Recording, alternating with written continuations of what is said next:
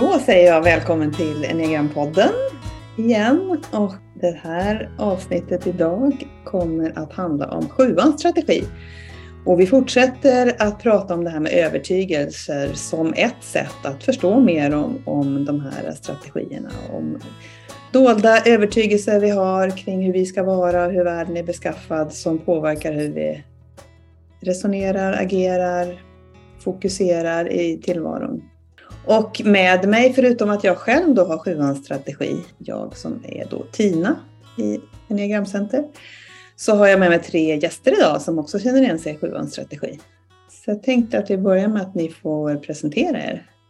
Då tar vi damerna först då. Börjar med Gunbjörg. Ja, Gunbjörg Lindvall heter jag. Och jag har då sjuans strategi, en social sjua har jag kommit fram till. Jag jobbar som eh, diakon i en kyrka och har ett eget företag bredvid där jag försöker att jobba lite med enagrammet. Och din kontakt med enagrammet kan du ta också kanske bara hur? Ja, eh, det var faktiskt, jag tror det är cirka 12-13 år sedan faktiskt, som jag gick, eh, jag hade en kompis, eller har en kompis, som eh, introducerade mig till enagrammet och jag tyckte bara wow, det här är jätteintressant. Så jag gick en kurs hos Marie Bernelig Beneli, en sån två kurs. Och så kände jag, jag och min man gick tillsammans och började liksom att förstå varandra så mycket mer. Och tyckte det, var, det här var ju jätte, jättebra. Så vi har läst på ganska mycket mer. Och förra året så blev jag ju klar utbildad hos dig och Ann då, Tina. Det har varit en jätte, jättestort stöd i både äktenskap och också som förälder tycker jag. Och bara generellt sett att förstå mig på människor och att äh, människor är faktiskt väldigt olika. Det är inte jag som är normen. Även om jag trodde det i väldigt många år. Mm. Ja, tack. Jag heter ja. Stefan. Hej. Och ehm, eh, jag kom i kontakt med enneagrammet för sex sju år sedan tror jag, åtta kanske, när det var när jag och min fru gick på en eh, så lite ambulerande, det var någon som åkte runt och höll en, en lördags eftermiddag eller en lördag kanske och berättade lite om vad enagrammet var. Och jag minns att jag tänkte, hon gick igenom de nio strategierna och jag minns att jag tänkte nej, inte den och inte den och inte den. Hon började ju med åtta då och gick hela varvet runt. Och till slut tänkte jag att nej, det här är nog ingenting för mig faktiskt. Och så fick jag höra sjuan och tyckte att det passade alldeles precis. Så sen blev jag lite intresserad, men mest blev min fru intresserad. Så hon har jobbat mycket med enagram och gör det lite halvprofessionellt också eh, vid sidan om andra saker. Vilket gör att jag blir lite medföljande make i det här. Men jag är fortfarande intresserad även om hon berättar mycket för mig som jag, så vi resonerar en hel del kring sådana här saker. Jag tycker enagrammet har den största nyttan, förutom att det alltid är roligt med nya saker tycker jag, med nya kunskaper, är att min fru och jag har möjlighet att prata med varandra. Eller vi har, hittar ord att förklara och termer för att förklara saker som annars kanske hade blivit lite mer jobb, lite konfliktartat och jobbigt att, att, att prata om. Så kan man resonera kring frågor istället för att bråka om dem. Likadant på jobbet har vi använt lite enneagram. Det visar sig att det är fler än man tror som känner till det. Själv jobbar jag med data, datautveckling, systemutveckling och har ett eget litet företag med några få anställda och lägger väldigt mycket tid på, på det där jobbet och alltid gjort. Vilket gör att jag känner igen mycket av de här sjuans strategier just för att kunna ha ett bra liv trots att jag jobbar väldigt mycket. Jag, jag kan se när jag läser beskrivningar av sjuan att ja, precis det där är det och det stämmer också. Det är så här jag kan hålla på som jag gör och ändå tycka att det finns stora fördelar med det. Tack Stefan. Mm. Micke då? Tack. Då är det jag, ja. Mikael heter jag.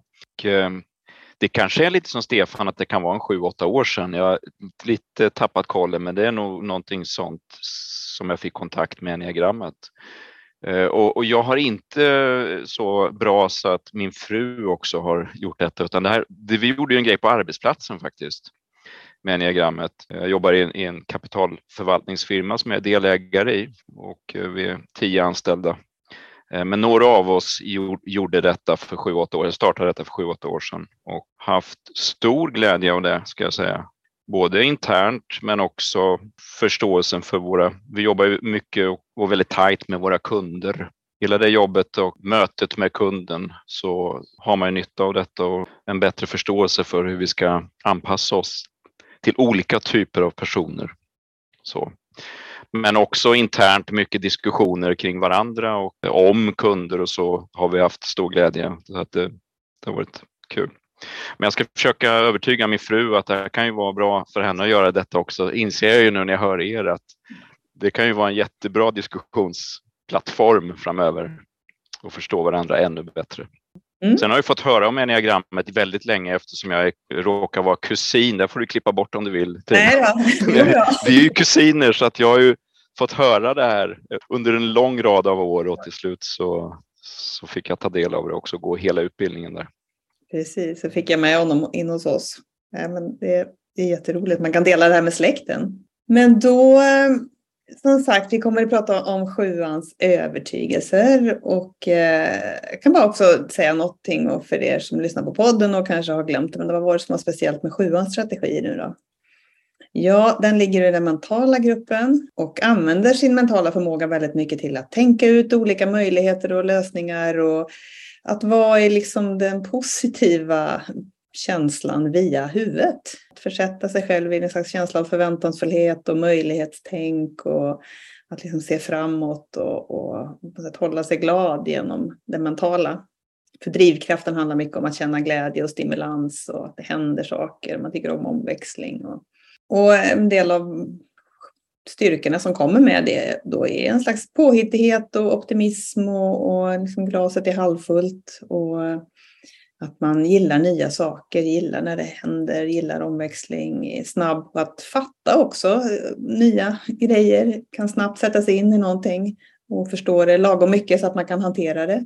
Sen kanske vi inte blir några experter så ofta, utan vi gillar sen kanske att gå vidare till någonting annat som vi kan förstå lagom mycket så att vi kan hantera det.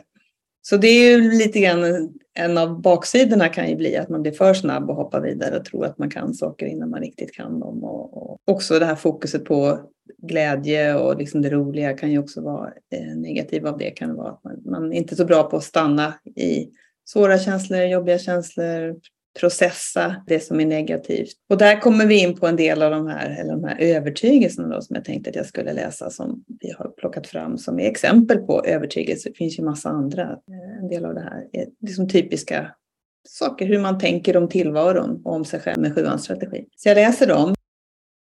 Jag måste undvika att ha tråkigt igen. Jag måste ha tillgång till alla möjligheter. Jag behöver upplevelser som gör mig glad. Att bli begränsad är att sitta fast. Själv är bäste dräng. Jag behöver se till att få det goda i livet. Och jag gör det själv, ska man säga, i det där med själv är bäste dräng. Jag litar inte på att någon annan kan fixa åt mig. Om man alltid är positiv så löser sig saker snabbt. Frihet är att göra precis det jag vill. Om jag skulle fokusera på negativa känslor, då kan jag fastna där. Ja, så jag kastar ut frågan lite till er. Är det, är det någon sådär särskilt som sticker fram som bara som en självklarhet? Och...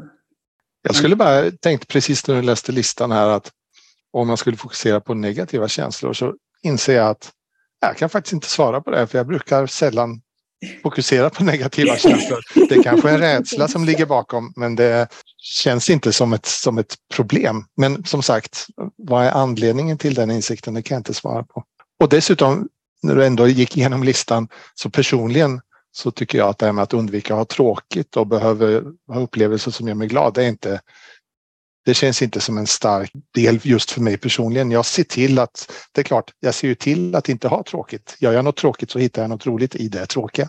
Ja. Det är liksom, det är ju det indirekt är det ju ett sätt att undvika. Men om jag sitter och funderar på det så tycker jag nog inte, just på grund av att av att när det blir tråkigt så kan jag se till att hitta någonting litet intressant åtminstone så att det inte blir så tråkigt längre. Mm. Jag skulle säga att vi har sällan tråkigt. Ja. För att vi ser till att inte ha tråkigt. Precis, och det där kan man ju bara fylla, fylla in i att jag brukar, livet går ju upp och ner och, och, vi drabbas ju av kriser precis som, precis som alla människor gör och jag har drabbats av kriser också. Men jag tror inte, jag har inte, jag kan inte se eller har förmågan att bli deprimerad. För sättet att ta sig ur krisen det är ju att omvandla det till någonting hela tiden, omvandla det jobbiga till någonting positivt och ganska så snart börjar den bearbetningen. Så jag upplever på något sätt att jag, jag kommer aldrig ner i någon depression utan man, man vänder det där till någon fördel på något jäkla sätt, hur jäkligt det än ser ut. Och det skulle jag säga som, det är ju en superkraft, tycker jag så här, när jag betraktar det. Eh, it's, it's another opportunity for growth brukar någon säga om en kris och det, det är lite så man har i sitt DNA eller i sin instinkt nästan att göra det och det, det är en styrka. Mm. Jag håller med det, det är att det är väldigt svårt att ha tråkigt för att det, det, ja, man kommer ju på saker. Eh, jag kan liksom inte komma på Alltså skulle jag, tänka, jag tror kanske också det är så att jag förtränger det som har varit tråkigt. För jag kan faktiskt inte komma på saker som är tråkigt. Och jag gissar på att det är så att antingen har jag, jag har förträngt det eller så har jag liksom gjort det till någonting som är roligare eller ja, stimulera, stimulerande är nog mera ord tycker jag. Jag tycker mm. inte att det är så liksom, viktigt med det här med att äh, saker är roligt, men stimulerande, det är superviktigt. Mm. Mm. Å andra sidan kan man ju hitta saker som stimulerar i det mesta. Är det något som är ledsamt eller tråkigt så finns det ju någon detalj som åtminstone är intressant eller fascinerande i vad vet jag, människans beteende eller om det är någon som är dum eller om det är något annat. Så det går ju att hitta. Personligen är jag väldigt intresserad av detaljer, lite femmigt sådär om man säger och försöka utreda och ta reda på och lära mig om. Och det finns det ju, i alla situationer finns det ju någonting att hitta och lära sig om. Eller bli bättre på eller något i den där stilen. Men kan ni känna att ni blir rastlösa då? För det, det kan ju vara ett tecken på att man har lite tråkigt. Att man liksom... Ja, absolut. absolut. Jag tror att jag är lite annorlunda än Stefan där. Mm. Eh, utifrån att vi har lite olika instinkter också. För jag känner nog att om, någon, om jag måste fokusera för länge på en sak som jag inte tycker är så väldigt intressant, då jag klarar inte riktigt att hitta det som är intressant med det. Så då på något vis eh, börjar jag göra något annat helt enkelt. Det är för jobbigt att fokusera på saker som är tråkigt. Eh, ja, nu sa jag tråkigt, eh, mm. men det är väl så att jag känner lite så att jag blir rastlös när någonting är tråkigt och då gör jag något annat helt enkelt. Mm. Det är väl kanske mest min man som märker av det. Liksom, när man ska vad kan det vara till exempel? Ja, men vi pratade här lite innan om instruktionsböcker. Ah, jag får ju bara spader bara jag tänker på det. jag har nästan inte öppnat en instruktionsbok i hela mitt liv på riktigt. Utan då den hamnar hos någon annan för att det går för långsamt. Helt enkelt. Jag ser till att inte göra det. Nu finns det ju bra, det blir oftast någon sån här snabbguide med. Den tycker jag är bra. Då kan ja. man titta där så räcker det liksom. Ja men precis, jag har satt ihop väldigt många IKEA-grejer bara på ren logik. Så. Jag ser logiken, får en översikt och sen så behöver jag inte gå in på detaljer utan jag ser, jag får översikt med och, så, och sen så bara skruvar jag ihop det utifrån huvudet. Okej, okay, så behöver jag ibland göra om då. Ja. Men hellre det. ja, det är intressant Gunvor, det måste jag säga att jag är nog precis tvärtom i det avseendet. För det första blir jag inte lätt uttråkad så att säga. Behöver inte ha ombyte alls tycker jag själv. Och jag läser väl inte gärna en bok, i handbok, men om jag gör det så kanske det står att vad vet jag, induktionsugnen, eh, induktionshällen eh, får inte överlastas med mer än 1000 watt kanske det står. Ja, men då vill jag nog gärna slå upp, jaha, finns det sådana gränser på spisar? Och så börjar jag söka på Wikipedia eller något sånt där och kommer in på hur induktionsugnar fungerar bara för att det blev en spin-off när jag tyckte att det var intressant att läsa lite grann i handboken till exempel. eller något i den stilen. Så jag, jag, jag har gärna tråkigt, men eller jag har gärna, beter mig gärna på ett sätt som jag tror att många tycker är tråkigt. För jag tycker att det är ganska intressant helt enkelt. Ja, i du detaljer. tycker att det är tråkigt. Så det är det där liksom lite subjektiva, vad är det man tycker är tråkigt? Mm. Ja, just det.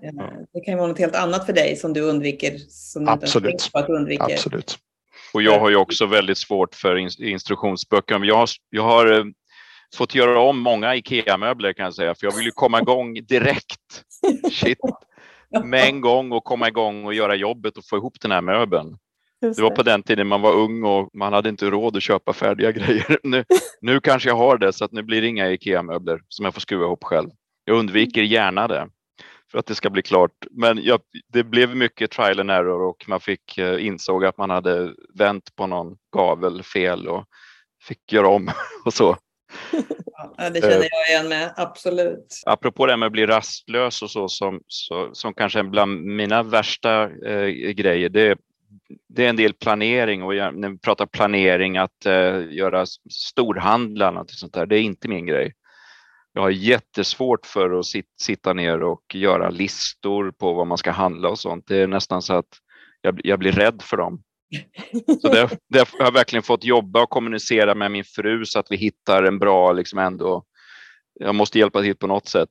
Det går lite bättre att handla digitalt har jag märkt. Så det gör vi ibland. Klicka på varorna lite snabbt och sen hämta en kasse. Det passar mig bättre. Men min fru som är en femma tycker det är ganska skönt att gå i affärer och butiker så att det, tyvärr så får hon ofta åka dit själv utan mig så hoppas jag att jag hjälper till med någonting annat istället. Okay. Ja, planering, planering kan vara lite jobbigt. Jag tycker planering är helt förfärligt eh, och till exempel när man, eller snarare inte förfärligt, jag inser, jag tycker att jag inser att det går ändå inte att planera så där mycket för det kommer ändå mycket saker som dyker upp som, inte, som är svårt att förutse och tänka på i förväg.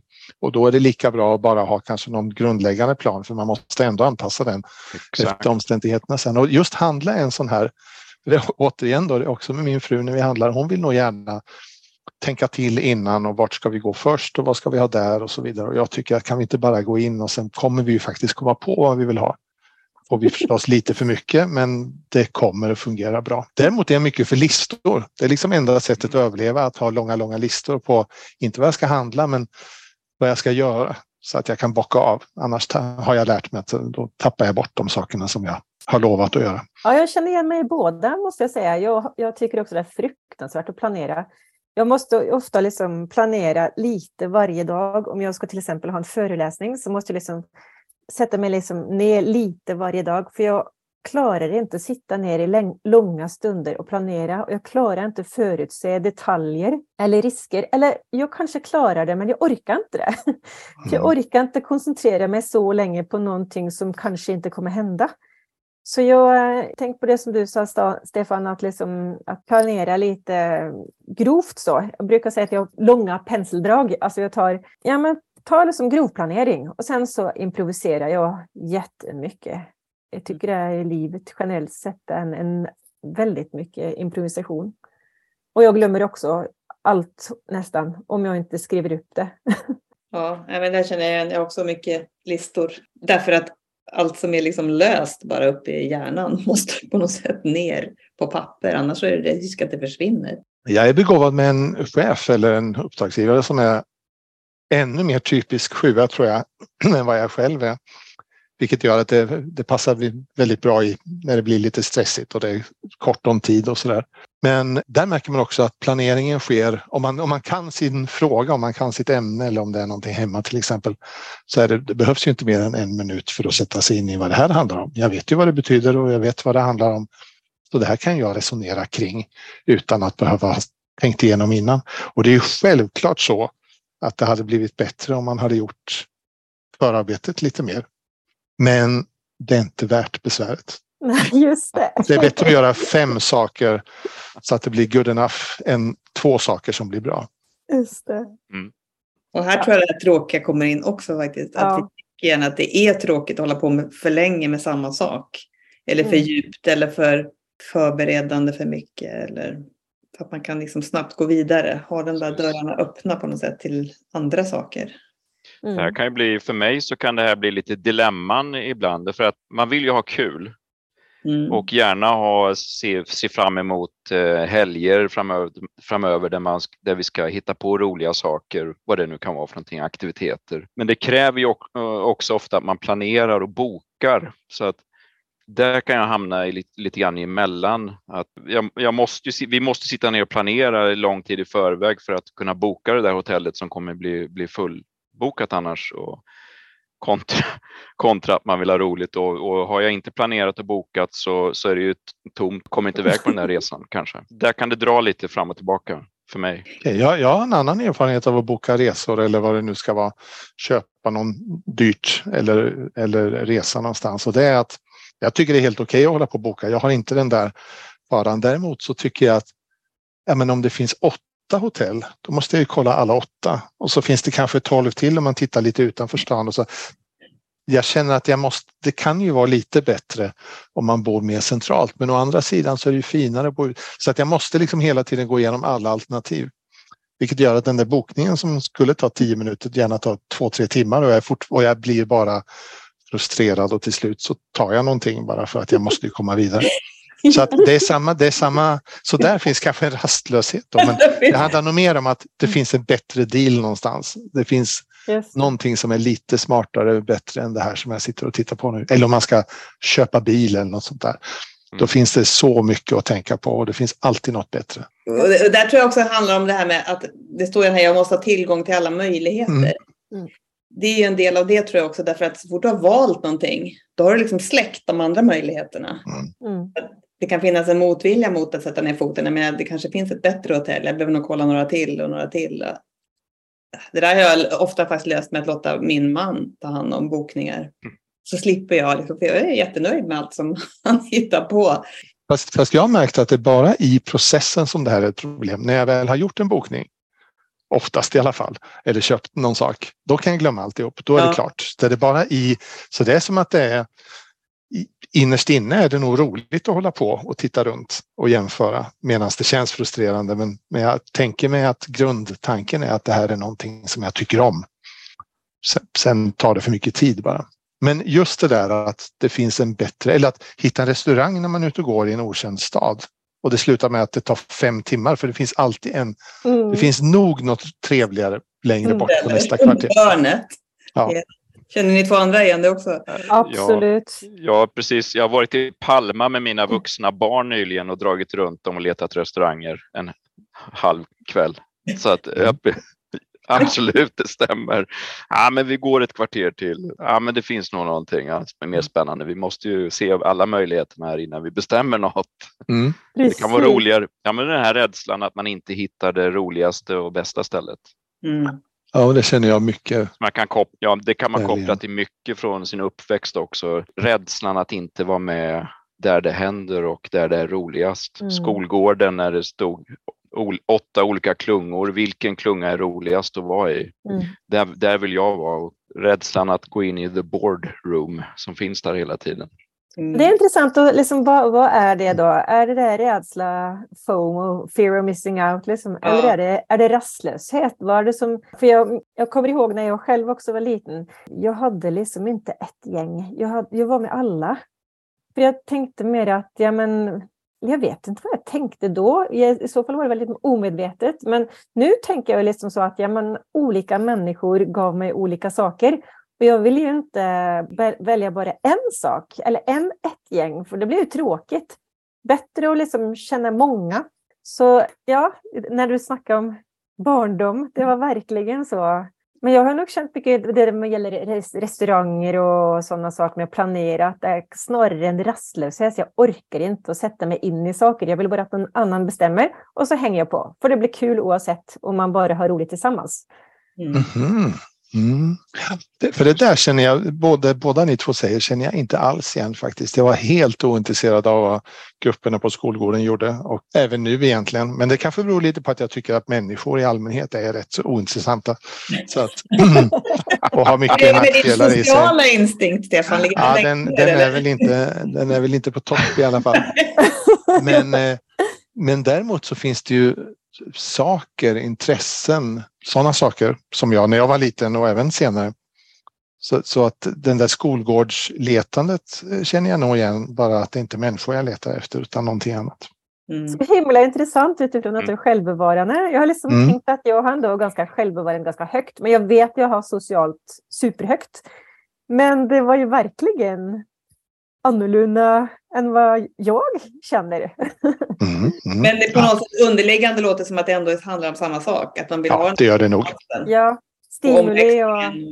Ja. Men Stefan, du hade förmodligen inte, du hade nog roligt oavsett om du var människa eller inte för att du, ja. hittade, du hittade sätt att leka även om du var själv och eller om det var med andra? Ja, jag har aldrig haft svårt att vara med människor. Jag tycker inte det kan lika gärna vara utan dem. Men mm, det är inte ja, en men... nackdel att vara med dem. Det har alltid varit så. Mm. Och jag är rätt utagerande i, i sättet och så, men det är, jag är nog introvert så att det är inte, jag, jag tycker inte att det är en fördel att, att umgås med folk på något sätt.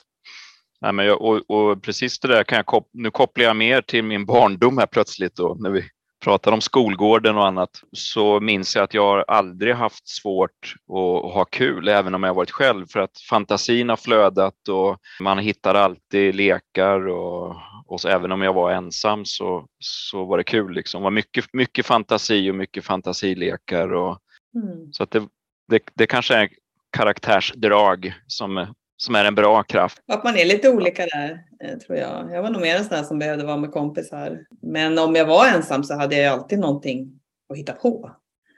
Aldrig varit så, här så att man gick till pappa och sa Åh, vad jag har tråkigt, tala om för mig vad jag ska göra. Det har jag aldrig, som mina barn har gjort ibland till mig. Jag tänker, varför frågar du mig vad du ska göra? Det är så jättekonstigt.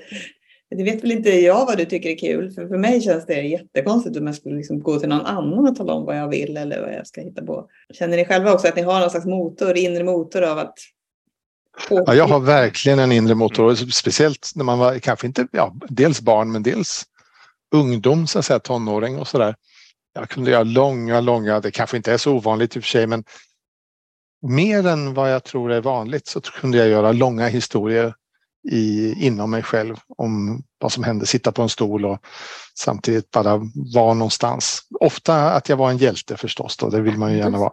Men, lång, men så här uttalat, nästan tvångsmässigt sitta och hitta på historier. Ja. Fantasier. Ja, ja. Vad säger ni andra om fantasier? Och... För det är ett sätt att ta sig bort från tillvaron här. Ja, men get, väldigt närvarande i hela i uppväxt och så. Och, och, kanske fortfarande också att det är en del. När man var barn, mycket, mycket fantasier, lätt för att skriva historier, berätta historier eller mm. roliga historier eller skri svenska när det var uppsatsskrivning var bästa ämnet och det bara flödade massa fantasi och, och historier. Också ett sätt att undvika eh, att ha tråkigt, att mm. fantisera sig iväg till andra platser. Det, det har funnits nära till hands hela tiden. Mm. Kanske det, fortfarande. Ja. Det har inte riktigt jag. Jag, har inte, jag känner inte att jag har så jättebra fantasi på det sättet. Men jag, kanske det tar sig till uttryck snarare i kreativitet hos mig. Jag har alltid varit jättekreativ och fortfarande liksom tänker jag att huset är en lekplats där man kan vara kreativ. Det, det, huset är ett uttryckssätt. Eh, trädgården är ett sätt liksom där man kan utfolda sig kreativt. Utseende också är något man kan utfolda sig kreativt och göra nya grejer. Så, så det kanske är samma grej, men jag, jag tänker kreativitet där. Men då kanske du tänker på det ändå? Ja. I huset? Ja, idéer, idéer har hela tiden idéer, projekt som jag tänker nästan hela tiden. Jag kan känna igen det också när jag var liten och framförallt om man kände sig lite olust. Jag hade lite tråkigt. Typ, det här var innan det fanns några telefoner och sånt. Man åkte buss över halva stan. Då var man ju tvungen att sitta där 20-25 minuter. Mm. Då var det perfekt att plocka fram fantasin, vad det nu kunde vara. Kom ihåg, från som tonåring och framåt var det mycket så här romantiska fantasier om olika killar som man var intresserad av. Jag var ständigt förälskad, det var bara föremålen som ändrades. Det var ju ett sätt att liksom skapa lite där förväntansfullhetskänsla i huvudet eller i mm. kroppen. Men jag tycker nog, speciellt när jag var, eller jag hade, ja, när man var ung så att säga, så är det två saker som jag tycker gjorde allting mycket enklare för mig personligen när jag växte upp eller när jag blev så här, kanske 20 någonting, 25. Det, var, det ena var att jag tyckte att jag duger som jag är. Jag är bra nog. Så att säga. Jag är bra på någonting, då duger det mot allting som, som jag inte är bra på. Vilket innebär att jag blev väldigt oberoende av andra människor och vad de tyckte och tänkte. Jag tänkte att om ni tycker att jag är dum och knäpp, ja men tyck det då. Det spelar inte mig någon roll. Det är det ena. Och det andra är att alltid kunna lösa alla problem som dyker upp. Ta tag i dem och liksom rent praktiskt, pragmatiskt hitta lösningar som, som funkar på något sätt. Och de där två ihop, för mig i alla fall, har gjort mig väldigt självgående. Jag är helt eh, egen. Om ni frågar min fru så är jag alldeles för självgående och tar alla beslut som gäller mig själv själv och eh, har alltid en lösning och skiter fullständigt i, om man får säga så, vad andra tycker. Oftast i alla fall. Speciellt när man blir äldre så spelar det ännu mindre roll vad andra tycker. Nu kan man ju faktiskt säga att ja, men jag är en sur gubbe, jag gör precis som jag vill. Men det där har gjort att det där med tillgång till möjligheter, inte bli begränsad, inte bli beroende av andra gör, har gjort att jag har haft möjlighet att göra. Jag har alla möjligheter eftersom jag inte låter mig begränsas av andras till exempel åsikter eller problem som dyker upp. Ja, den här självständigheten, den känner jag också igen sedan jag var liten. Alltid varit jättesjälvständig. Jag, vill jag någonting så gör jag det. Mm. Finns ett hinder så löser man det. Så jag vet inte om det, om det är samma, men självständighet har jag också alltid haft med mig som stark, stark, stark drivkraft. En stor fördel med det där tycker jag är att om du, Gunborg, gör någonting som är väldigt dåligt så kan jag tycka att, ja men okej, du hade sönder den där saken. Ja, ja, okej, vad gör vi nu då? Då måste vi hitta något sätt att lösa det. Det blir liksom, jag blir vanligtvis i alla fall inte upprörd över att du haft sönder den där saken. Jag står inte och svär över det utan istället är det okej, okay, den glaset gick sönder, vad gör vi nu? Och mm. det där har varit, känns väldigt skönt för jag har sluppit väldigt mycket ilska kanske eller sådana här uttryck som jag själv tycker är rätt låga och som inte leder till någonting. Slipper jag för jag ser det mer som ett problem som behöver lösas. Vi missade tåget. Okej, okay, vad gör vi då? Men är det, är det som, som den där sista, om jag skulle fokusera på negativa känslor kan jag fastna där? Är det liksom att det, det att du liksom vrider på den? Det, det jag tänker ofta, Absolut, om, jag, om jag lägger mig, om jag, om jag har en dålig dag, för jag kan faktiskt ha det, det kan jag ha. Det kan vi alla. Fast vi hanterar det på olika sätt. Exakt. Exakt. Men nästan alltid så tänker jag att det blir bättre imorgon. Imorgon blir det bättre. Det är bara att sova. Du ska sova och ska sova gott och så blir det bättre imorgon. det är liksom helt... Det, det är som en, ett mantra i mitt huvud. Och jag, det har jag inte hört någonstans, tror jag. Ja, det är liksom ett sånt... Jag tänker att det är lite det du snackar om, Stefan, där att eh, man, man hittar lösningar eller man, det blir nog bättre. Man fastnar inte i någonting. Ja, jag, tänk, jag tänker att vi är inne på det här själv är bästa dräng. Mm. jag känner att jag själv, och, jag känner igen mig i mycket av det här, eh, jag klarar mig själv. Mm. Det var väldigt starkt hos mig. Eh, men också ett, kanske ett problem, även om jag inte ser det alltid, nämligen att be om hjälp eller, eller att prata om att jag faktiskt mår dåligt nu. Eller sätta ord på hur jag mår eller hur jag känner. Jag har varit urusel på det. För jag har fixat och donat och tagit hand om mina egna problem själv och sett det som nödvändigt. Och så att jag har insett successivt som jag kanske har mognat att ibland kan det vara bra att faktiskt be om hjälp eller berätta att det här känns inte bra. Kan du hjälpa mig med det här på något sätt? Men det, det sitter väldigt långt inne. Det är väldigt svårt. Det är väldigt starkt det här att man fixar sig ur alla situationer själv med positivt tänk och löser mm. problemen. Det känner jag mycket väl igen. Det är en av de saker som jag och min fru pratar mest om tror jag. Det är inte det att jag inte kan be om hjälp, det är bara det att jag kommer inte ens på att jag skulle kunna be om hjälp. Det finns liksom ingen anledning. Varför skulle jag göra det? Jag gör ju bara så här och så här istället. Ja. Medan min fru ber ju om hjälp ibland. Ja, lite praktiskt eller det hon tycker är tråkigt att göra. Det frågar hon om inte jag kan göra åt henne istället. Och det gör jag ju hemskt gärna. Det är ju som med barnen, liksom. man löser alla deras frågor och alltid gjort i alla tider och sådär.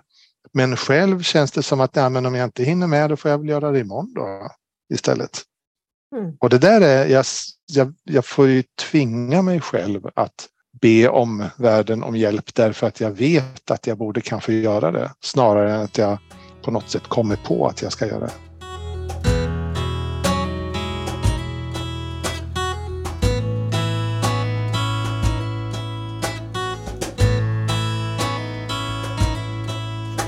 Men den här delen som Micke sa som jag tycker är intressant ändå, det här med att tala om vad man känner.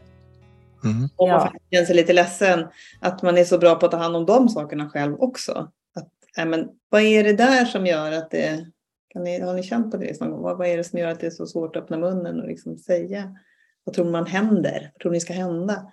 jag har varit på liksom sen, de senaste sju, åtta åren varit med i lite olika typer av, det har varit någon mansgrupp och, och där vi har sharing och, och i början liksom att prata om mig själv och hur jag mår var i stort sett omöjligt. Jag hade, inga, jag hade inget språk och inget ord för så långt ifrån var jag. Jag hade inget språk och inga ord för eh, hur jag mår, hur jag känner. Mm. Om det nu kanske också är lite manligt, det, det, skulle det kunna vara, men kanske också en del i min personlighet. Och Mm. Och att jag är van vid att hålla kanske sånt inom mig själv eller lösa de problemen själv om jag nu är på något sätt eller mår på ett visst sätt. Men jag, jag har verkligen fått träna på det. Men jag har gått in för det de sista åren att träna på det och jag gör det och det går lättare och lättare. Men det är, det är mycket träning. Vad tycker du är fördelen med att göra det? Att berätta hur du mår?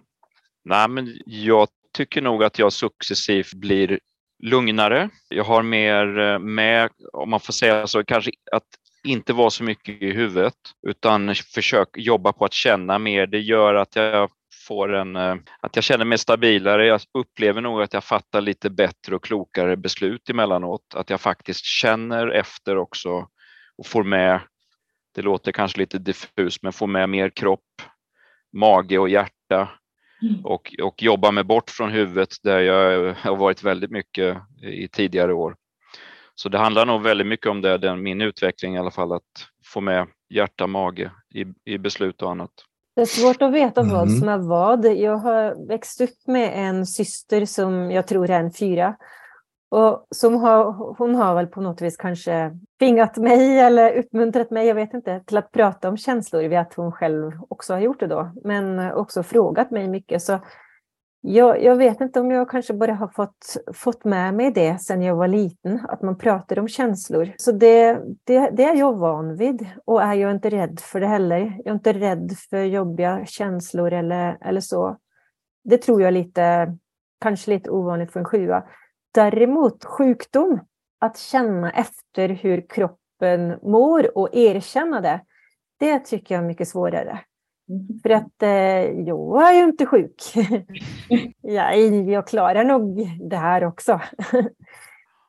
och nu när liksom kroppen, jag börjar få lite smärta i kroppen och sånt. Och det, ah, det går så emot mitt eh, jag. Det är jättesvårt liksom, att kunna känna att det här är jag som har en kropp som gör ont. Det går emot min identitet. Liksom. det är märkligt tycker jag. Ja, det är ja. lite olika saker vad man är van vid. Ja. Jag kan ju verkligen känna igen det där att prata om det svåra, det negativa. Eller det, ledsenhet är väl egentligen det som är värst på något sätt, om man känner sig låg. Att jag är arg och sånt där, det kan jag nog prata om, det är inga problem. Mm. Men, men det andra är, det känns... För mig, har jag funderat mycket på det där, att det, det är lite av en kontrollfråga också. Att liksom, om jag har, håller det för mig själv och hanterar det så har jag någon slags kontroll över Ja, det är en rädsla av att det blir, det blir större, att någon annan kommer att tro att det, jag släpper ut det och så tar det över på något sätt. Eller det blir något annat än vad jag faktiskt, jag kan inte förklara hur exakt hur jag känner och folk kommer tro att det är värre än vad det är. Och, ja, det finns någon slags o, lite misstro kring min egen förmåga att förmedla nivån på det hela och rädslan att någon annan ska tro att det är värre. Mm. Jag har väldigt svårt för att uttrycka känslor och, det, och hur jag mår det är nog egentligen min faktiskt min fru som brukar berätta för mig hur jag mår. För hon säger att nu verkar du lite irriterad. Va? Nej, jag är inte irriterad. Säger jag. Nej, inte så riktigt. Men äh, genuint så tycker jag nej, jag är lite stressad kanske. Men, ja, men jag märker på dig att nu är du verkligen så där som du brukar vara när det är någonting. Liksom. Så jag har jag vet inte om jag skulle vilja säga att jag har svårt att prata om det, men det är det väl förstås kanske, men mer är det som att det känns inte så starkt helt enkelt. Det är om, omgivningen som uppfattar mina känslor, för jag själv tycker att de håller sig på en väldigt låg, låg och jämn nivå på det sättet. Faktiskt. Men just det där att inte ha ett språk när man väl sitter ner och pratar med varann lite ordentligt två personer, då märker jag ju tydligt att jag har en fyraårings språk liksom när jag ska prata om känslor och mående och så. Mm. Mm. Kopplar, du ihop det med, kopplar du ihop det med sjuan, Tina, det här att vi har svårt att, som upp, uppenbarligen både Stefan och jag har lite svårt att sätta, sätta ord eller språk till, kring hur vi mår, hur vi känner och så, eller är det en, kan det vara en eh, lite manlig grej också? Alltså det är nog båda delarna, men, men definitivt att jag, jag tror att det har med sjuan att göra också. Och att Gunbjörn kanske är lite ovanligt där, det har tränats i att prata känslor medan eftersom det naturliga är ju inte att man tar upp liksom hur man känner sig ledsen eller besviken eller liksom jobbiga känslor vill man inte kanske belasta någon annan med. Det är, väl... alltså det, det, det är verkligen så att jag känner mig inte ledsen, jag känner mig inte irriterad eller stressad, om det inte är väldigt extremt förstås. Utan omgivningen märker att jag är ledsen, irriterad, stressad. Mm. Men jag själv känner, så det är inte så att jag försöker skydda någon eller att jag, jag vet jag kan inte uttrycka mig så jag låter bli att uttrycka mig utan det är mer att, ja men vadå, det är ju ungefär som Ja, det, det, här är ju ett problem som vi behöver lösa, att det är på det här sättet. Istället för att vara ledsen för att det är på det här sättet. Mm. Så det låter för mig att du gör någonting ganska mentalt av det. Oerhört, oerhört. Jag hade en period, det var kanske i samband med enneagram där i början, att jag insåg att jag var, ja, låt oss säga ledsen då. Jag var aldrig ledsen. Däremot kunde jag tänka på att jag nog var lite ledsen så att säga. Men som en känsla i kroppen förekom det inte nästan alls. Mm. Mm. Men om du har råkat ut för liksom tuffa du har ju gått igenom skilsmässa och sådär. Ja, ja, det var ju länge sedan så jag kommer knappt ihåg det, men det var ju det var mer att det var tråkigt. Liksom. Nu ser vi framåt mot roligare ja, saker. Ja, lite så faktiskt. Det blev som att det fanns ju fördelar med att skilja sig också. Men jag har ett bra exempel att jag blev förra för ett år sedan så blev jag sjuk. Du sjuk, ja. Mm. Och det, för mig var det en influensa som var lite extra jobbig och så hosta och sådär. Medan det visade sig, nej det var något riktigt allvarligt och det var tur att de liksom fångade upp det där och det var jag blev väldigt väl omhändertagen av sjukvården och så där och fick en massa tabletter som jag skulle ha. Men för mig var det en ganska lång influensa med hostningar som var jobbiga. Och sen var det intressant att det var så mycket. Jag, vet jag har tagit 500-600 blodprov under den här perioden och det liksom blir mer som ett jaha okej, vad ska ni göra idag? Vad ska vi titta på nu och hur är värdena? Ser de bra ut? Ja, men det ser ju positivt ut. Det var ju bättre nu än förra veckan. Och hela det här året har varit, jag tycker att jag har, jag är inte riktigt inblandad i det här alls faktiskt. Det har gått väldigt bra också. Men jag har tyckt att jag inte är riktigt inblandad. Det var ju lite jobbigt att hosta där en månad eller två. Men det var också det enda. Och det där vet jag eh, finns de som tycker att det är lite nästan lite upprörande att jag inte fattar hur allvarligt det var. Och det men förstår jag ju mentalt. vad tyckte din fru Anna? Vad tyckte hon? Nej, men hon tyckte väl att hon var väl orolig också ett tag där i början i alla fall. Men eh, hon tycker att nej, men lägg av, du var ju sjuk, det såg vi på dig. Ja, vadå? Jag var lite hostig bara. Men handlar det om det som, det som jag också tänkte, att du, du tänker inte på det som en sjuk människa, utan, alltså sjuk människa, alltså att du, har, nej, nej. att du är sjuk, utan du tänker att det här går över, du ska bara igenom det? Ja, dels kanske att det går över, men mer att det är en, att jag står bredvid och tittar på lite grann vad som händer. Det, mm. När det är ett problem så är jag inte, nu hade jag ju tur, det var verkligen inte, jag kunde ju haft riktiga problem, men det hade jag ju aldrig på riktigt så att säga, utan det blev mer att jag stod bredvid och tittade på att här gör man en utredning och här kommer man fram till någonting och det finns massor med spännande saker att läsa om det här och det finns en massa signaler att hålla utkik efter och så där. Så det blir mer en utmaning eller en, ett uppdrag kanske snarare än att det faktiskt berör mig själv. Mm. Så var just det här året då. Mm. Men kände du inte en annan grej här, det här med att bli begränsad som finns här? Vi gillar inte riktigt begränsningar. Kändes inte som en väldig begränsning att vara sjuk så länge. Ja, eftersom jag faktiskt inte uppfattade mig som sjuk. Jag blev erbjuden att vara sjukskriven hur länge som helst, men jag tyckte att nej, men varför det? Jag tycker jag kan fortsätta som vanligt. På. Ja, jag jobbade på. Jag, mm. gjorde, jag hade ett litet rum på sjukhuset som jag hade som arbetsrum som jag satt och jobbade som, inte som vanligt riktigt, men nästan. För att jag uppfattade verkligen som att de är här för att titta lite på mig och under tiden så lever jag mitt liv som vanligt. För det kändes verkligen så. Det så och det, det, det förstår jag att det är ett sätt att kanske att, att få bort tankarna på att det här är någonting allvarligt. Men eftersom jag tyckte verkligen att det inte berörde mig på samma sätt som jag tycker att jag inte är ledsen och jag tycker att jag inte är stressad, men andra kanske ser det, så tycker jag inte att jag är dålig trots att andra kanske tycker att jag ser väldigt vissen ut. Då. Ja, det är, mycket, det är mycket igenkänning på det Stefan säger för mig. Mm. Jag har idrottat ganska mycket och det har ju sen, i den här åldern så, så får man lite skador så att jag brukar säga att jag har rehab som middle name. Men fast jag, jag brukar också, mina, mina kollegor i, i squashklubben där jag är med och har tävlat och i många år, de brukar kalla mig för king of rehab faktiskt. och, och det är lite grann den här egenskapen då att jag ser aldrig något i, tråkigt eller dåligt med det utan det är, det är liksom, jaha, konstaterar man, nu kan jag inte gå. Vad ska jag göra för jobb för att börja gå liksom? Och sen eh, en vecka senare så kunde jag ta tre steg. Wow! Oj. Och sen tror jag jag har en förmåga att sätta lite sådana här nya mål att nästa vecka så ska jag gå en kilometer. Och mm. jag, jag, fick byta höft här för två år sedan och det, ser, det är många runt omkring som säger va? Har du mm. bytt, gjort en höftoperation? Liksom, du är bara 55 år. Mm. Men eh, nej, men det var ju ja, det var rätt illa för jag gick, jag gick rätt långt. Jag hade ben mot ben och lite för länge där så att det var gravt nerslitet. För smärtan den brydde man sig inte om. Man fortsatte bara spela. Jag var ju, jag var ju inte dålig. Det gick, det gick väldigt långt kan jag säga. Men just rehabdelen är att du ser det positiva. Idag kunde jag ta ja. fyra steg. Igår kunde ja, jag bara ta tre. Exakt. Ja. Och, och, hela den här långa rehaben med höften, den är ju riktigt lång. För där får man verkligen börja lära sig gå igen. Mm.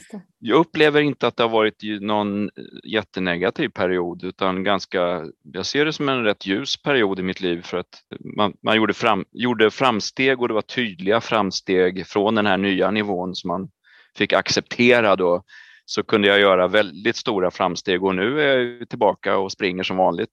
Det börjar bli problem med andra höften givetvis nu men det, men jag tror det, att det lägger vi lite man... åt sidan. Det ska nog gå bra det också just det där att acceptera situationen tror jag är ja. Eh, för mig personligen. Att om det är någonting så, ja men okej nu är det de här förutsättningarna som gäller. Bra eller dåligt men det är så här det är. Och vad gör vi då utifrån de här Precis. förutsättningarna? Och jag blir irriterad på andra som tycker att, som liksom gnäller kring att det blev dåligt. Och det är som, ja men det, det här kan du inte bestämma över. Det blev dåligt. Vad gör vi nu? Mm. Tycker jag då. Mm. Och jag har en bekant som är också väldigt sjuig som jag jobbar med som, som hade en period när fick aldrig några affärer. Skrev bara offerter hela tiden men det var aldrig någon som beställde. Det var väl dålig konjunktur eller någonting. Men han tyckte så att ah, det är ju intressant det här. Vi har ju blivit jättebra på att skriva offerter.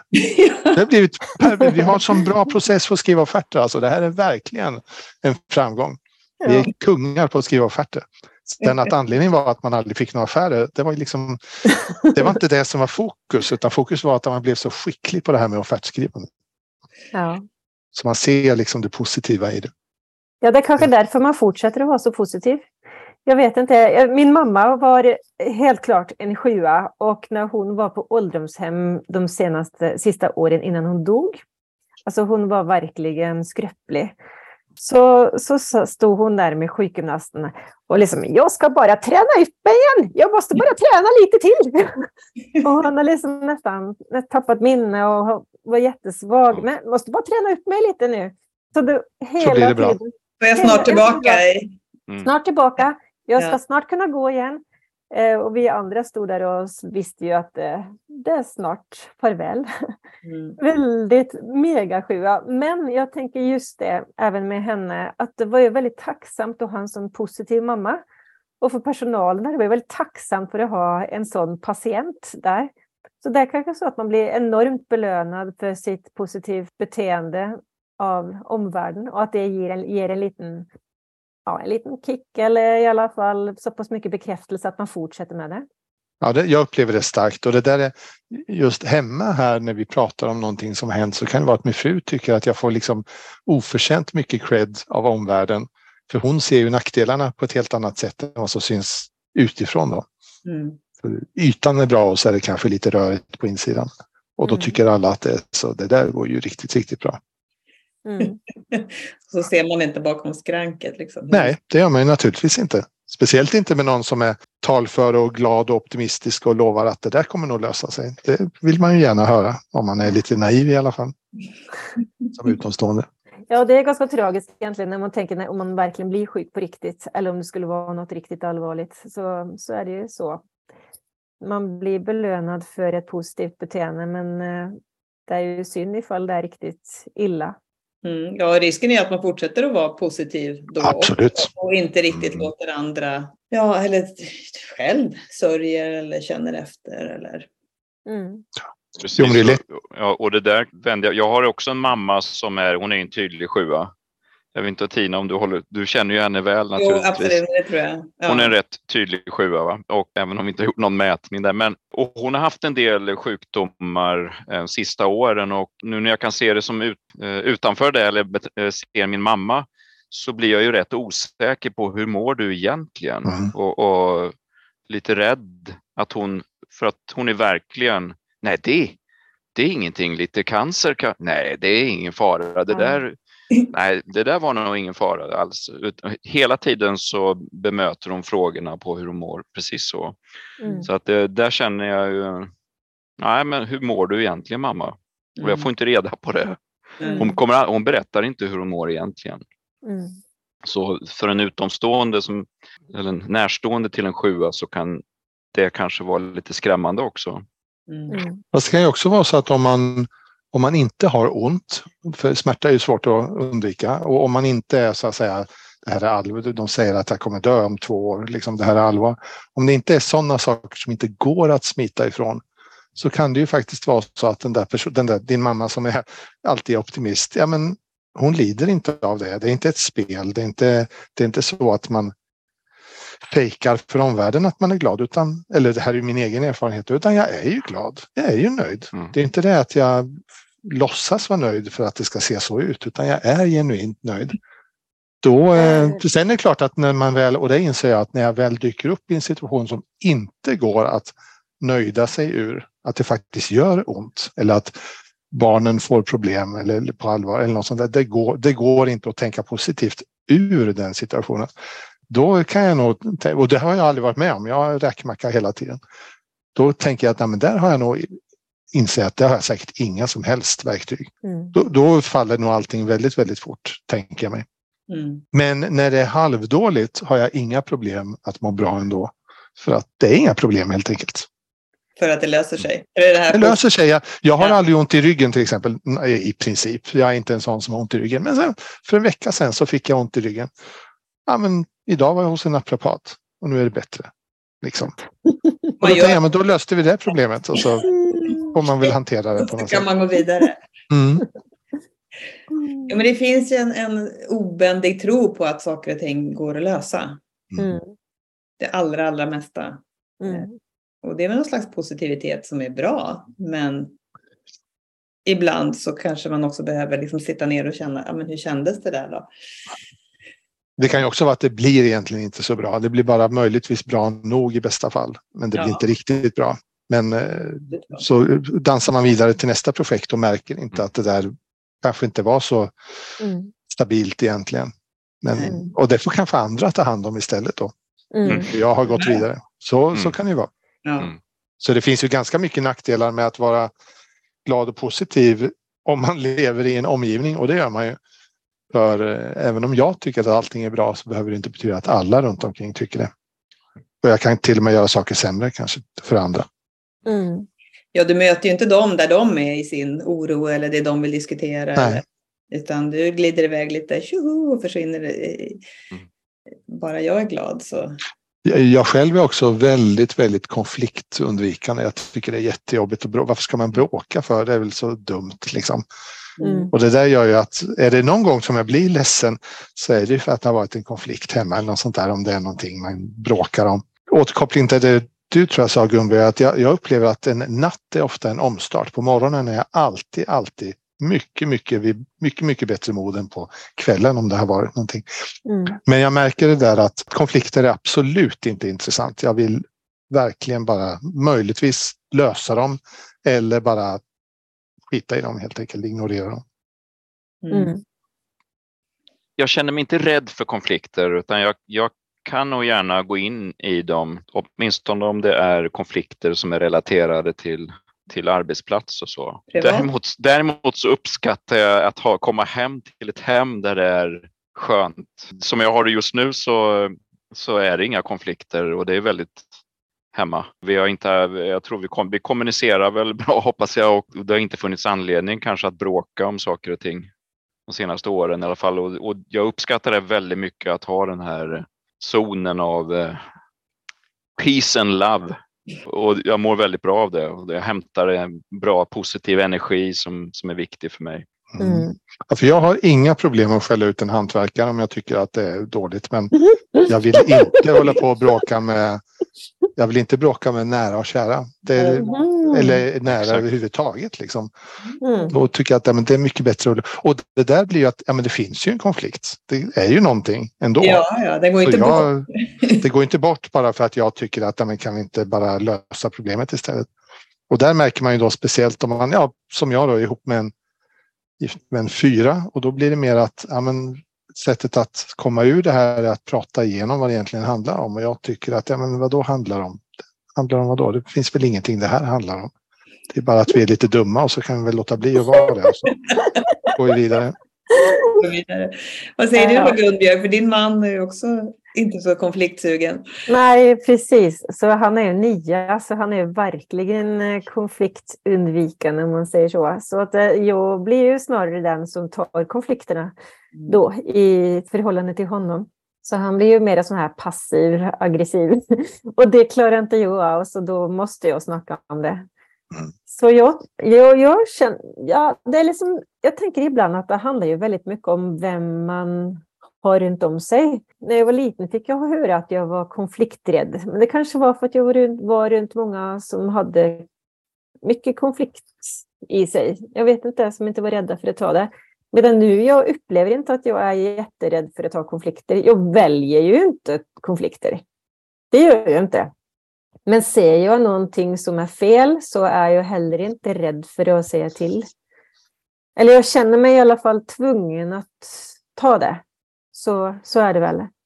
Också vad sättet man gör det på. Ja.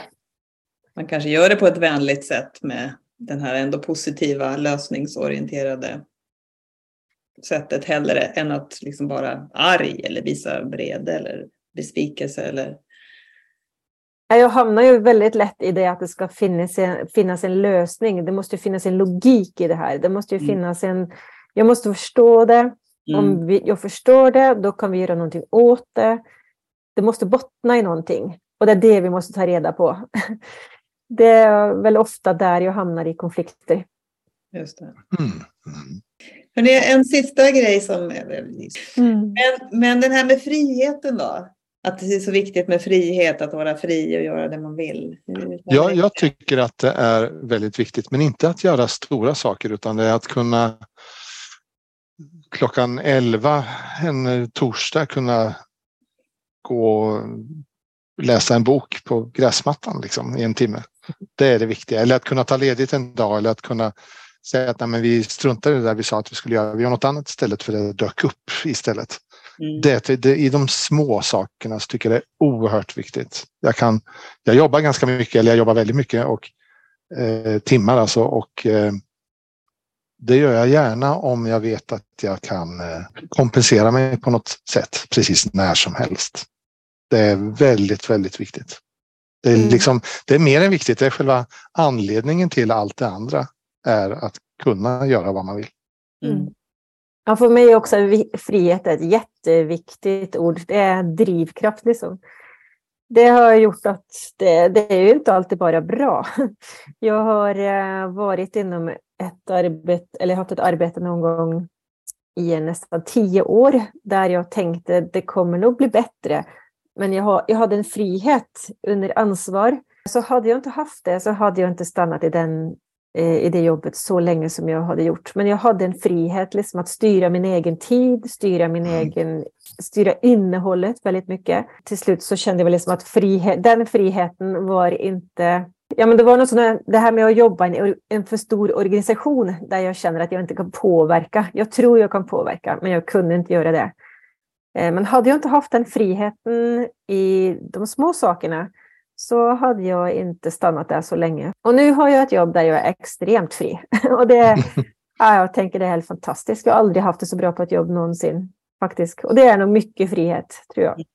Jag tycker det kommer in på att planera också. Det är klart att om man vill, om man vill göra någonting så måste man planera, precis som du sa, Mikael. Där. Men, men jag tycker inte att man är fri om man måste, om man har planer som man måste ta hänsyn till.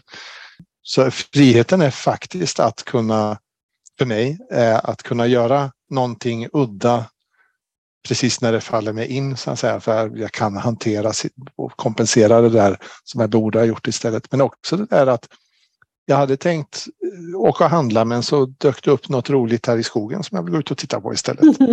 Den friheten, väldigt, väldigt mycket värd att inte behöva följa ett schema. Mm. Verkligen. Fri, och i likhet med Gunborg, din, eh, att frihet är väldigt, är väldigt viktigt, en drivkraft. Eh, och, och, så är det ju för mig att en, en helg som är obokad är ju en väldigt bra helg alltså. Mm. För att jag stunden, eh, i stunden kan jag välja vad, vad jag ska göra. Blir det inte och, ganska lite gjort då? Ja, det kan bli väldigt lite gjort och det kan bli väldigt mycket och det varierar kraftigt faktiskt. Men det är väldigt skönt att mm. ha det så. Men jag inser att det kan inte vara så jämnt utan man må, måste ju planera lite grann så att det blir någon slags mix där man får hitta en, en balans. Och jag har en, jag har en omgivning att ta hänsyn till också som där det inte passar att vara spontan hela tiden. Så det, det är väl personlighetsutveckling att inse det och eh, anpassa sig lite grann då. Från det här som jag egentligen tycker är skönt att, att det är helt obokat och nu väljer jag att göra precis vad jag vill. Men jag, är ganska, har ganska mycket drivkraft att jag faktiskt hittar på saker. Och det är mycket träning och den typen av aktiviteter och utforska olika saker. Som, som, som så att det brukar ändå bli, det är inte så att jag blir passiv. Mm. Men också jobbmässigt så likhet med vad ni sa där så jag trivs enormt bra just nu i mitt jobb och när jag funderar på vad det beror på så är det väl att jag kanske med ålderns rätt och med den roll jag har i vårt bolag har en stor frihet. Mm. Eh, att, och det, det finns ingen, jag upplever inte att jag har någon direktstyrning. Jag jobbar en, i en bransch som är, blir mer och mer reglerad i och för sig. Då skulle man kunna tänka sig att det är väldigt jobbigt för mig. Men eh, har jag bara koll på ramarna i stort vad som gäller för vad vi ska leverera och hur vi levererar det så, så fungerar det ganska bra. Bara ingen kommer och säger till mig att klockan tre ska du göra det eh, och, och du ska sitta så, på den platsen si och så. Direktstyrning går ju bort. Då skulle jag mm. sluta med en gång. Mm. jag, vill jag... jag, vill verkligen känna att jag gör det här jobbet. Jag har ett, slu, jag har ett mål och jag har ramar som jag ska mm. vara inom. De, de är tydliga. Liksom.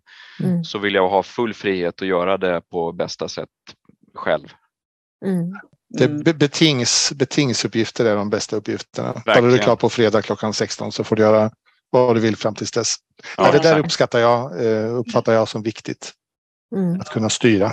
Men och sen här, får man väl välja att jobba en hel natt eller vad man nu ska göra för att mm. klara av det där. Men det är ju ett eget val då. Mm. Vilken konsekvens. Mm. Det blev, många, det blev många nätter när man pluggade. Eh, så natten innan tentan kan jag säga att jag satt och pluggade.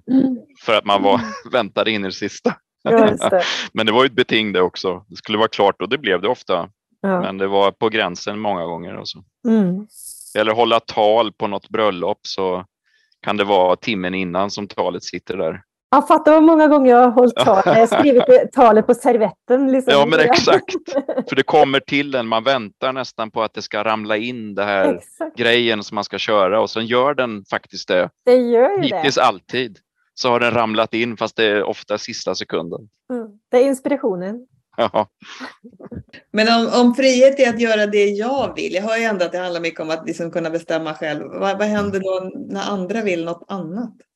Mm. Nej, men det är ett problem. Personligen vill jag ofta små saker som inte mm. påverkar så jättemycket, men det påverkar naturligtvis ändå.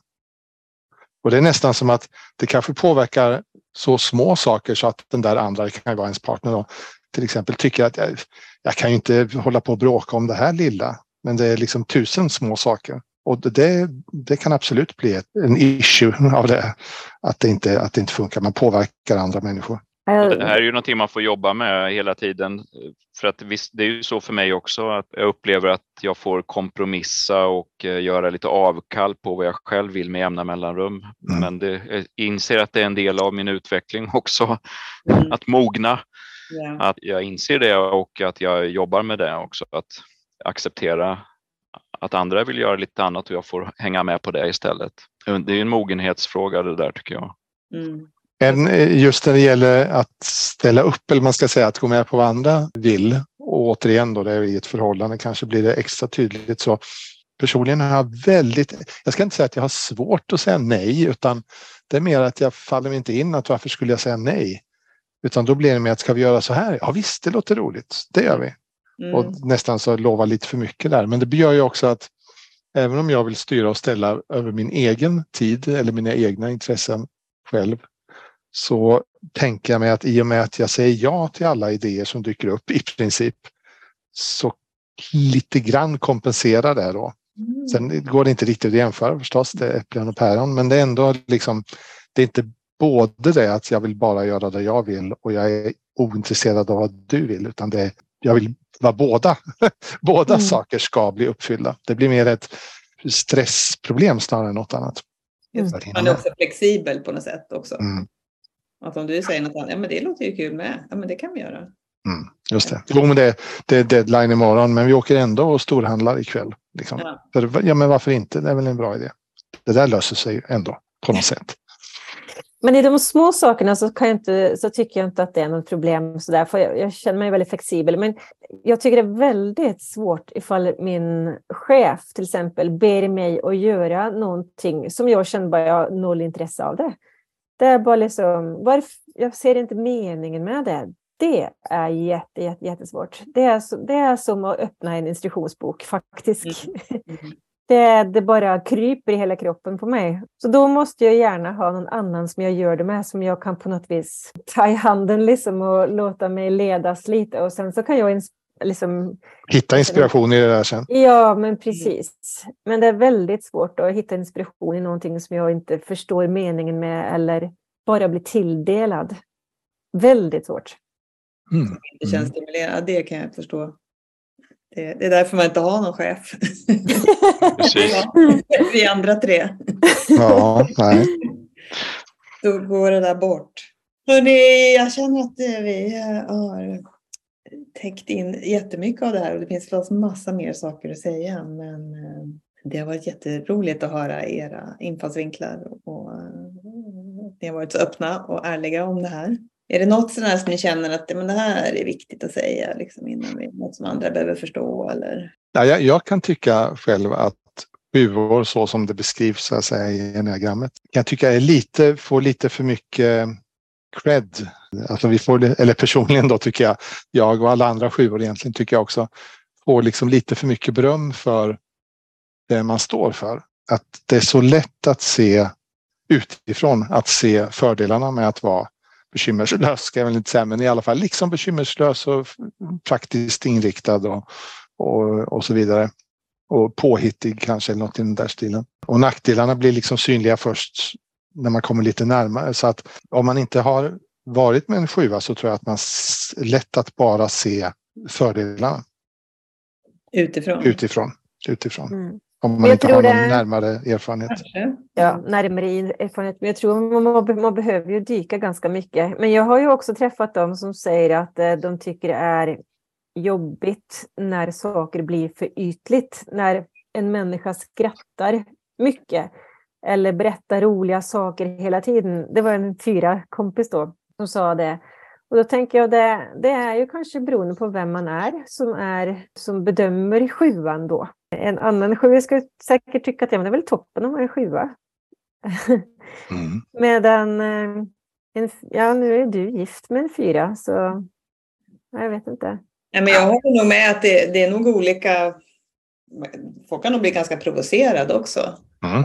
Av den där oviljan att se problem och det kan nog bli clash med en del andra strategier, sexor och annat som vill prata problem och, eller åttor. Och, Mm. Men det är sant det Gun, Gunvor, där du sa att om, om jag skulle ändra på någonting eller om jag skulle välja en sak som jag ville ändra på av alla saker som jag kan tänka mig att man skulle kunna förbättra med mig så är det nog att, för jag känner mig väldigt ytlig. Även mot nära, mot mina barn och sådär, mot alla möjliga. Det blir liksom lätt att, eh, att jag känner att det här är, sitter vi bara och pratar strunt här liksom. I och för sig lite trevligt men det kunde varit mer meningsfullt. Så är det någonting som jag skulle vilja magiskt att det förändras så skulle det vara just att kunna engagera mig mer känslomässigt i, i andra människor till exempel. För jag, jag uppfattar mig själv som väldigt ytlig. mm. I, eh, Men, men det du säger där, för det jag funderar ofta på, det är det med personlig utveckling. Alltså som, jag vet inte om det är med bara som jag eller om det är som sjuor. Och har, vi har pratat om det med att man har lösningsfokus och så. Jag tänker hela tiden om mig själv att jag kan ju alltid förändra mig. Och om jag skulle se det, ja men då jobbar jag med det. För då är det ju det, är jag ytlig, ja men då måste jag jobba med det. Och då så löser vi det. Det är ju lösa. Ja, men precis. Ja, men jag, jag, jag har jobbat som pedagog i massor med år, och, år också. Och det kanske också har med saken att göra att man använder sig själv som ett redskap för att lösa andra situationer. Så. Men tänker du inte så, Stefan, om du tänker att du vill bli djupare, ja men då, då jobbar du med det då? Mm. Ja, jag har ju suttit och sagt här att jag eh, löser problemen när de finns. Så det kanske helt enkelt är så att om det är något jag vill ändra på så är det att inte vara så ytlig, men jag vill jag vill inte ändra det tillräckligt mycket för att faktiskt nej, göra det där. Faktiskt, så kan det mycket väl vara. För att, nej, jag vill helst inte ändra på mig själv. Jag vill faktiskt helst inte ändra på någonting överhuvudtaget. Ingenting. Utom att ha det utvecklande. Ja, och den där äventyrslyssnaren som ibland tillskrivs sju, den känner inte jag igen överhuvudtaget egentligen. Jag, jag vill gärna ha imorgon som jag har det idag, men med frihet och spännande saker i det lilla. Liksom. Mm. Så det innebär nog att, ja, precis som du säger, jag kanske inte ville tillräckligt mycket för att komma över tröskeln. Det är mm. ingenting som har med förändring att göra hos mig kommer ens över den där tröskeln för att se det som ett problem och börja jobba med det. Mm. Jag, jag är med Gunborg i, i det här och eh, jag ser som en eh, trevlig drivkraft som jag ser kanske kommer av vår personlighetsstrategi då att jag tycker det är spännande och jag är jäkligt nyfiken på vad jag kan utveckla mig själv. Så mm. för mig har det lett till att jag håller på med allt möjligt. Mm. Eh, som, som handlar om att jag utforskar mig själv. Just nu har jag snöat in lite på Wim Hof så att jag har provat att i, badar, isbadar och jag ligger i vår... Folk kommer förbi och undrar vad fasen är som händer där för jag ligger i vår sjö och plaskar i tio minuter i åttagradigt vatten. Oj, det var ändå eh, och, bra. så, och ser vad som händer. Och jag vet inte, någon frågar mig varför gör du det här? jag vet inte, men jag är rätt nyfiken på att se vad som kan hända. Liksom. Mm. Jag har inte fördjupat mig jättemycket i vad det exakt innebär medicinskt. Jag har läst att det är bra mot autoimmuna sjukdomar kanske och lite sådär, men, men jag har inte fördjupat mig som vanligt jättemycket utan nej, spännande. Mm. Och sen lite yoga och meditation och lite annat. Så jag, jag tillskriver det vår strategi att man, man eh, tycker det är spännande att se vad som kan hända och det innebär förhoppningsvis också en personlighetsutveckling. Då. Mm. Jag kanske inte har nått dit bara, men för Nej, Anna, min fru, Anna, min fru har nog eh, frågat någon gång ibland att men vill du inte förändra dig? Vill du inte utvecklas till någonting annat? Eller vidare i alla fall. Och då har jag genuint ärligt sagt att nej, faktiskt egentligen inte. Jag är nog rätt nöjd. Om jag dör så här så är jag rätt nöjd. Men de där samtalen då med dina barn som du ändå uttryckte dig. Det... Ja, nej men eh, det, det nådde inte upp till den där tröskeln för att faktiskt vilja ändra. Det här är någonting jag får sitta och fundera lite på. Mm. Mm. Ja, hörni, tack. Vi lämnar, oss, eh, lämnar diskussionen här. Stort tack eh, alla tre. Det har varit jätteroligt att prata med er. Tack Tina, att du tack. hittar på så mycket roligt. Vad roligt tack. att träffa er alla, allihopa. Mm. Mm. Detsamma. Detsamma, jättekul. Spännande. Och med det så tackar vi för det här poddåret 2022. Vi kommer tillbaka med nya avsnitt nästa år. Och vi har en strategi kvar på de här övertygelserna och det är tvåans strategi. Den har vi redan spelat in så den kommer i början på nästa år. Annars vill vi också gärna tipsa om att vi har ett nyhetsbrev som har gått ut. Så titta i din mailbox och är du inte ansluten till att få våra nyhetsbrev så gör gärna det. Det kan du göra på vår hemsida. Eh, på vår hemsida kan vi också läsa vårt senaste blogginlägg som handlar om en bok som kommer i slutet på nästa år där eh, några forskare, en, bara en relativt känd som heter Dan Siegel, har tittat på hur kan man koppla diagrammet till den forskning som finns om personlighet och, och hur vi utvecklar vår personlighet. Och gruppen kallar sig för PDP, som i Patterns of Developmental Pathways. Så det handlar mycket om det här med hjärnan och neurobiologi. Eh, så det eh, kan du läsa mer om på vår hemsida under blogg. Och till våren fortsätter vi med våra kurser. Steg 1 är slutet på mars och steg 2 i maj. Och, ehm, ja, i övrigt så hittar du allt matnyttigt på enniagrenscenter.se. Och ha en riktigt god jul och ett gott nytt år. Hej då!